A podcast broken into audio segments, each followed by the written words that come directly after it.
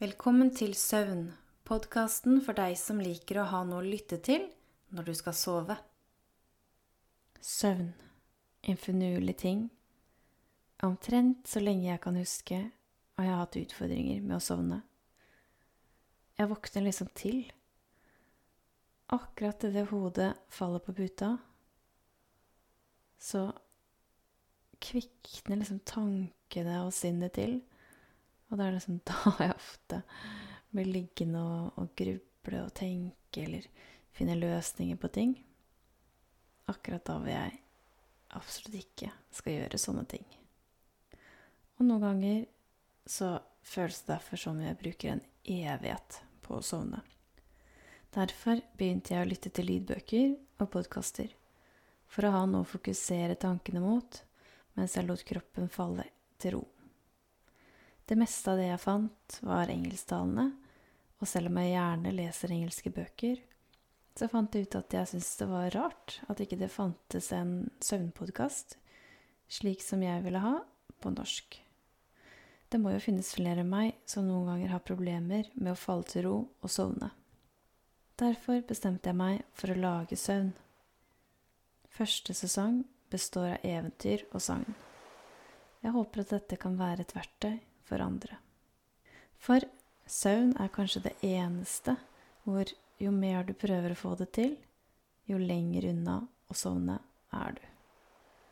Du kan legge forholdene til rette ved å ha gode leggerutiner, som å ja, ha en fast leggetid, et kjølig og rent nyoppredd soverom, en god seng å krype til sengs i, eller høre på denne podkasten men i stedet for å fokusere på at nå må jeg sovne, kan du la tankene feste seg på stemmen min. Ordene jeg sier, og la dem gi deg bilder i hodet som du fokuserer på. Da blir det lettere for deg å koble ut og slappe av, og bare la søvnen komme. Skje av seg selv. Trekk pusten dypt. Pust sakte. Pust inn og ut. Pust inn og ut. For hver pust kjenner du at dagens spenning slipper taket. Ryggen myknes, hoftene, knærne, anklene og helt ned til tærne. Finn en behagelig stilling å ha armen i, og lytt til dagens fortelling. Gjeterkongens harer. Det var en gang en kårmann som hadde gitt opp gården sin til odelsmannen. Men han hadde tre sønner. De het Per, Pål og Espen Askeladd. De gikk hjemme og ville ingenting ta seg til, for de hadde det for godt, og selv synes de at de var for gode til allting, og at ingenting var godt nok for dem. Langt om lenge hadde Per fått høre at kongen ville ha gjeter til å gjete harene sine, og så sa han til faren sin at han ville dit. Det kunne være passe for han. For han ville ikke tjene noen ringere enn kongen selv, sa han. Faren mente at det var nok arbeid som kunne passe bedre til land. For den som skulle gjete haren, den måtte være lett på tå og ikke noen dumstokk. For når haren tok til å løpe og hoppe, så var det ikke lett som en dans å være haregjeter. Nei, det fikk ikke hjelpe. Per ville dit og skulle dit, så han tok med seg skreppa og labbet nedover bakken. Da han hadde gått langt og lenger enn langt, kom han til en gammel kjerring. Og hun hadde fått nesen sin fast i en gammel vedstubbe. Da han så hvordan hun rykket og slet for å komme seg løs, ga han seg til å storle. Stå ikke der og glis, sa kjerringa, men kom og hjelp en gammel krok. Jeg skulle, ja, jeg skulle ta og skjære litt ved, og så klarte jeg å sette nesa mi nedi her.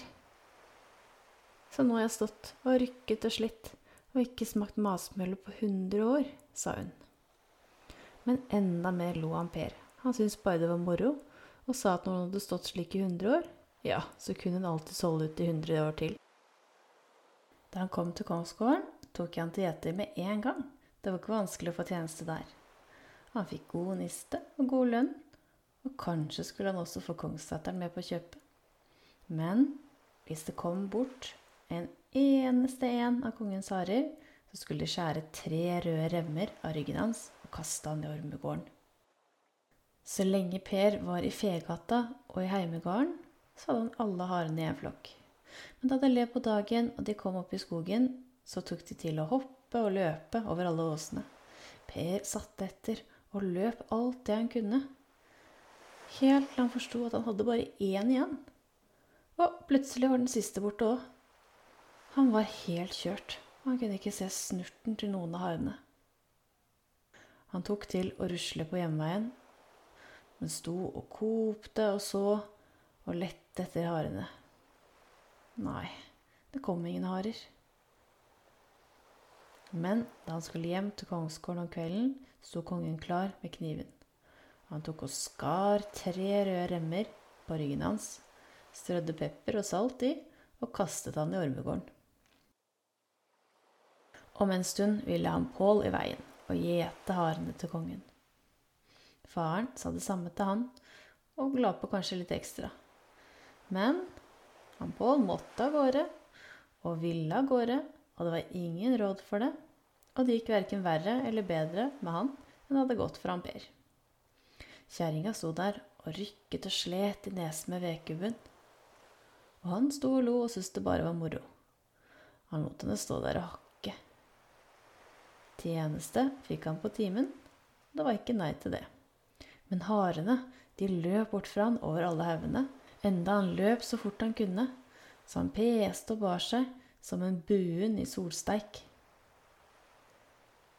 Og da han kom hareløs til kongsgården om kvelden, sto kongen klar med kniven på tråkka, tok og skar tre brede, røde remmer i argen hans og strødde pepper og salt i.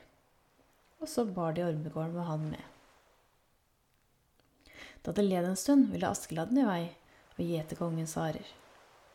Han syntes at det kunne være et, ja, et ganske bra stykke arbeid for han å fyke rundt i skogen og over markene og bortover jordbæråkrene og, og passe på en flokk med harer.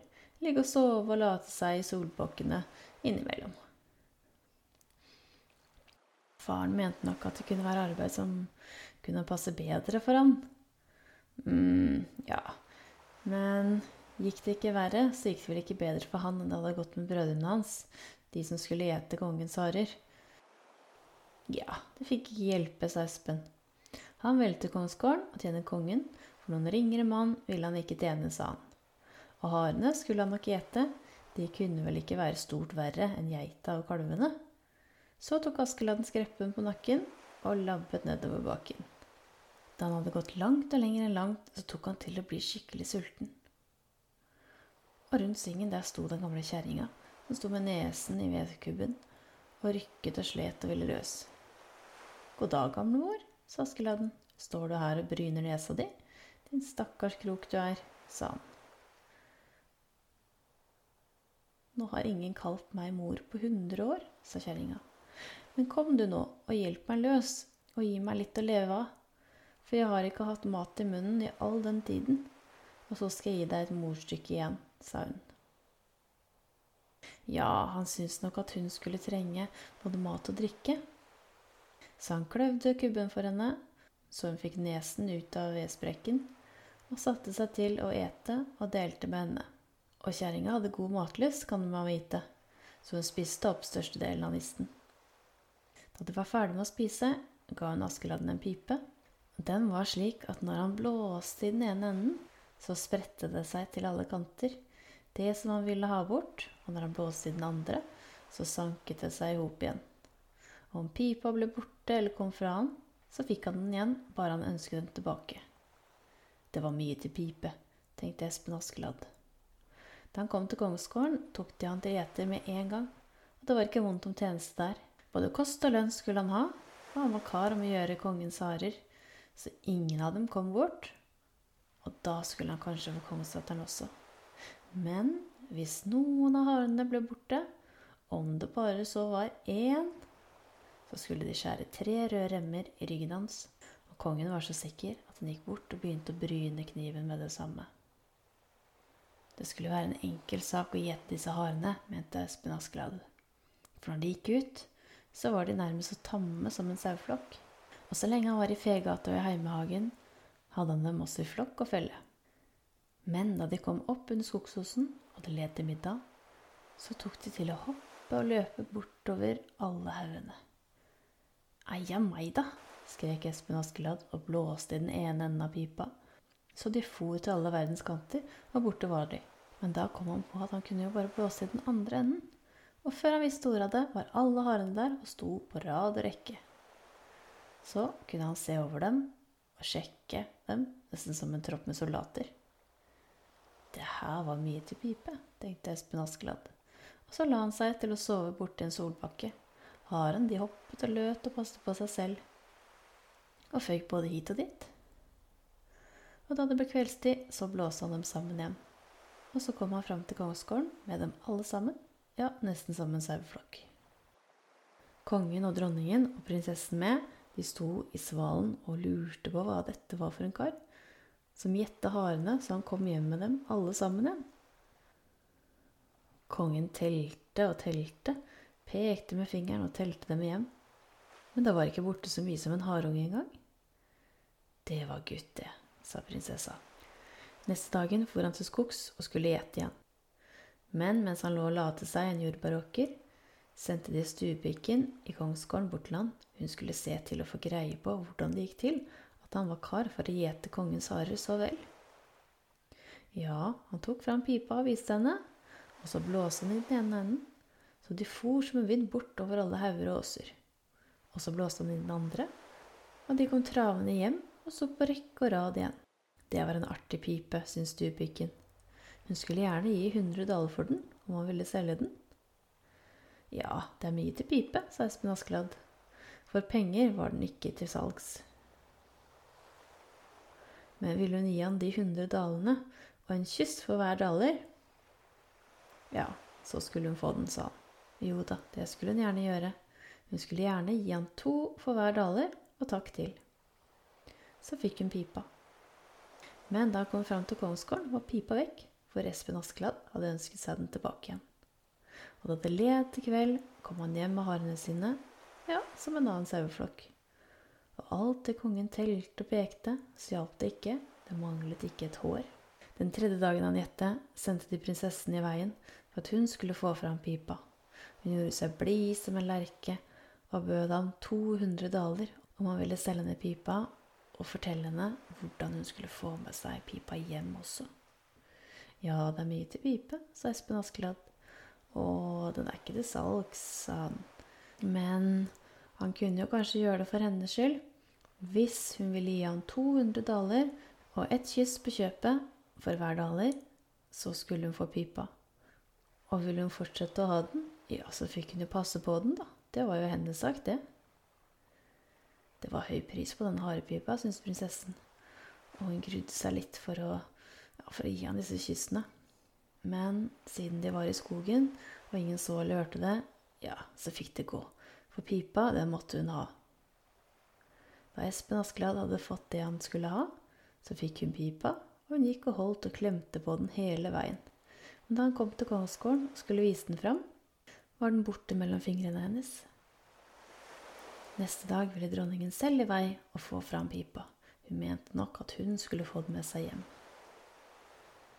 Hun var med i knipen på skillingen, hun, og bød ikke mer enn 50 daler. Men hun måtte legge på, så det ble 300. Askeladden sa at det var mye til pipe, og det var rent skambud. Men for hennes skyld så kunne det være det samme. Hvis hun ville gi ham 300 daler og et smellkyss på kjøpet for hver daler, ja, da skulle hun få den. Da hun hadde fått pipa, både bandt hun den fast og gjemte den vel attpå. Men det gikk ikke det grann bedre med henne enn med de andre. For da hun skulle ta den fram, var pipa borte. Om kvelden kom Espen Askeladd drivende hjem med kongens harer som en tam saueflokk. Dere er jo umulige alle sammen, sa kongen. Jeg får nok dra i vei selv om vi skal få fram denne skarvepipa. Det blir nok ikke annen råd, kan jeg skjønne. Og da Espen Askeladd var kommet vel til skogs med harene den neste dagen, Så strøk kongen etter og fant han i den samme solbakken der kvinnfolkene hadde vært. Ja, de var fine venner og vel forlikt, og Espen viste ham pipa og blåste både i den ene og den andre enden av den, og kongen syntes at det var en artig pipe. Hm, han ville nå endelig kjøpe den, om han så skulle gi tusen daler for pipa. Ja, det er mye til pipe, det, sa Espen Askeladd. Men for penger er den ikke til salgs. Men ser du den hvite hoppa der, som går nede i myra bakom den store furua? sa han og pekte bortover skogen. Ja, det er min egen hest, det. Det er Kvita, det, sa kongen. Den var han god for å kjenne selv. Ja, hvis du vil gi meg tusen daler og kysse Kvita, da skal du få pipa mi. Er den ikke til salgs for noen annen pris? sa kongen. Nei, det er den ikke, sa Espen. Ja, men jeg får vel lov til å legge silkelommetørkleet mitt mellom, sa kongen. Det kunne han godt få lov til. Og så fikk han pipa og la den i pengepungen sin, og den stakk han i lommen og kneppet igjen. Så strøk han av sted hjemover, men da han kom frem til kongsgården og ville ta frem pipa, ja, så hadde det ikke gått noe bedre med han enn med kvinnfolkene. Han hadde ikke mer pipe, han, enn det de hadde, og Espen Askeladd kom drivende hjem med hareflokken og det manglet ikke et hår. Kongen var både hatsk og harm, for Askeladden hadde narret dem alle sammen og snytt han for pipa, han også, og nå skulle han miste livet. Noe annet kom ikke på tale, og dronningen sa det samme. Nå skulle han tas. Espen mente det at det verken var rett eller riktig, for han hadde ikke gjort annet enn det de hadde sagt han skulle gjøre. Og så hadde han verget ryggen og livet sitt så godt han kunne. Så sa kongen at det fikk være det samme. Var han god for å uke, det store bryggekaret så fullt at det rant over, ja, da skulle han frelse livet. Det var verken noe langt eller vanskelig arbeid, det, tenkte Espen Askeladd, og så tok han til å fortelle hvordan det hadde gått med han fra starten av. Han fortalte om kjerringa som satt med nesen fast i vedkubben, og rett som det var, så sa han, jeg må ljuge også, skal karet bli fullt. Så fortalte han om pipa han fikk, om stuepiken som kom til han og ville kjøpe den for 100 daler, om alle kyssene måtte gi attpå borti skogbakken. Og så fortalte han om prinsessen, hvordan hun kom til han og kysset han, også for pipa. For det var ingen som så eller hørte det borti skogen. Jeg må ljuge noe i hop, sånn at karet skal bli fullt, sa Espen Askeladd. Og så fortalte han om dronningen, hvor nøye hun var på skillingen, men hvor gladelig hun hadde gitt et smølkyss. Jeg må ljuge, sånn at karet skal bli fullt, sa Espen Askeladd. Nå syns jeg det er temmelig fullt, jeg, ja, sa kongen. Å, ikke, sa dronningen. Så tok han til å fortelle om at kongen kom til ham, og om den hvite hoppa som gikk ned i myra. Og dersom han ville ha pipa, så fikk han, ja, så fikk han Ja, jeg må jo ljuge litt, da, sånn at karet skal bli fullt, sa Espen Ladd. Eh, holdt eh, Stopp. Eh, det er fullt, gutt. ser du ikke at det, at det flommer over? Så syntes kongen og dronningen at det var best at han fikk prinsessen og halve riket. Det var ingen råd for det. Det var mye til pipe, det, sa Espen Askeladd. Snipp, snapp, snute, så var det eventyret ute.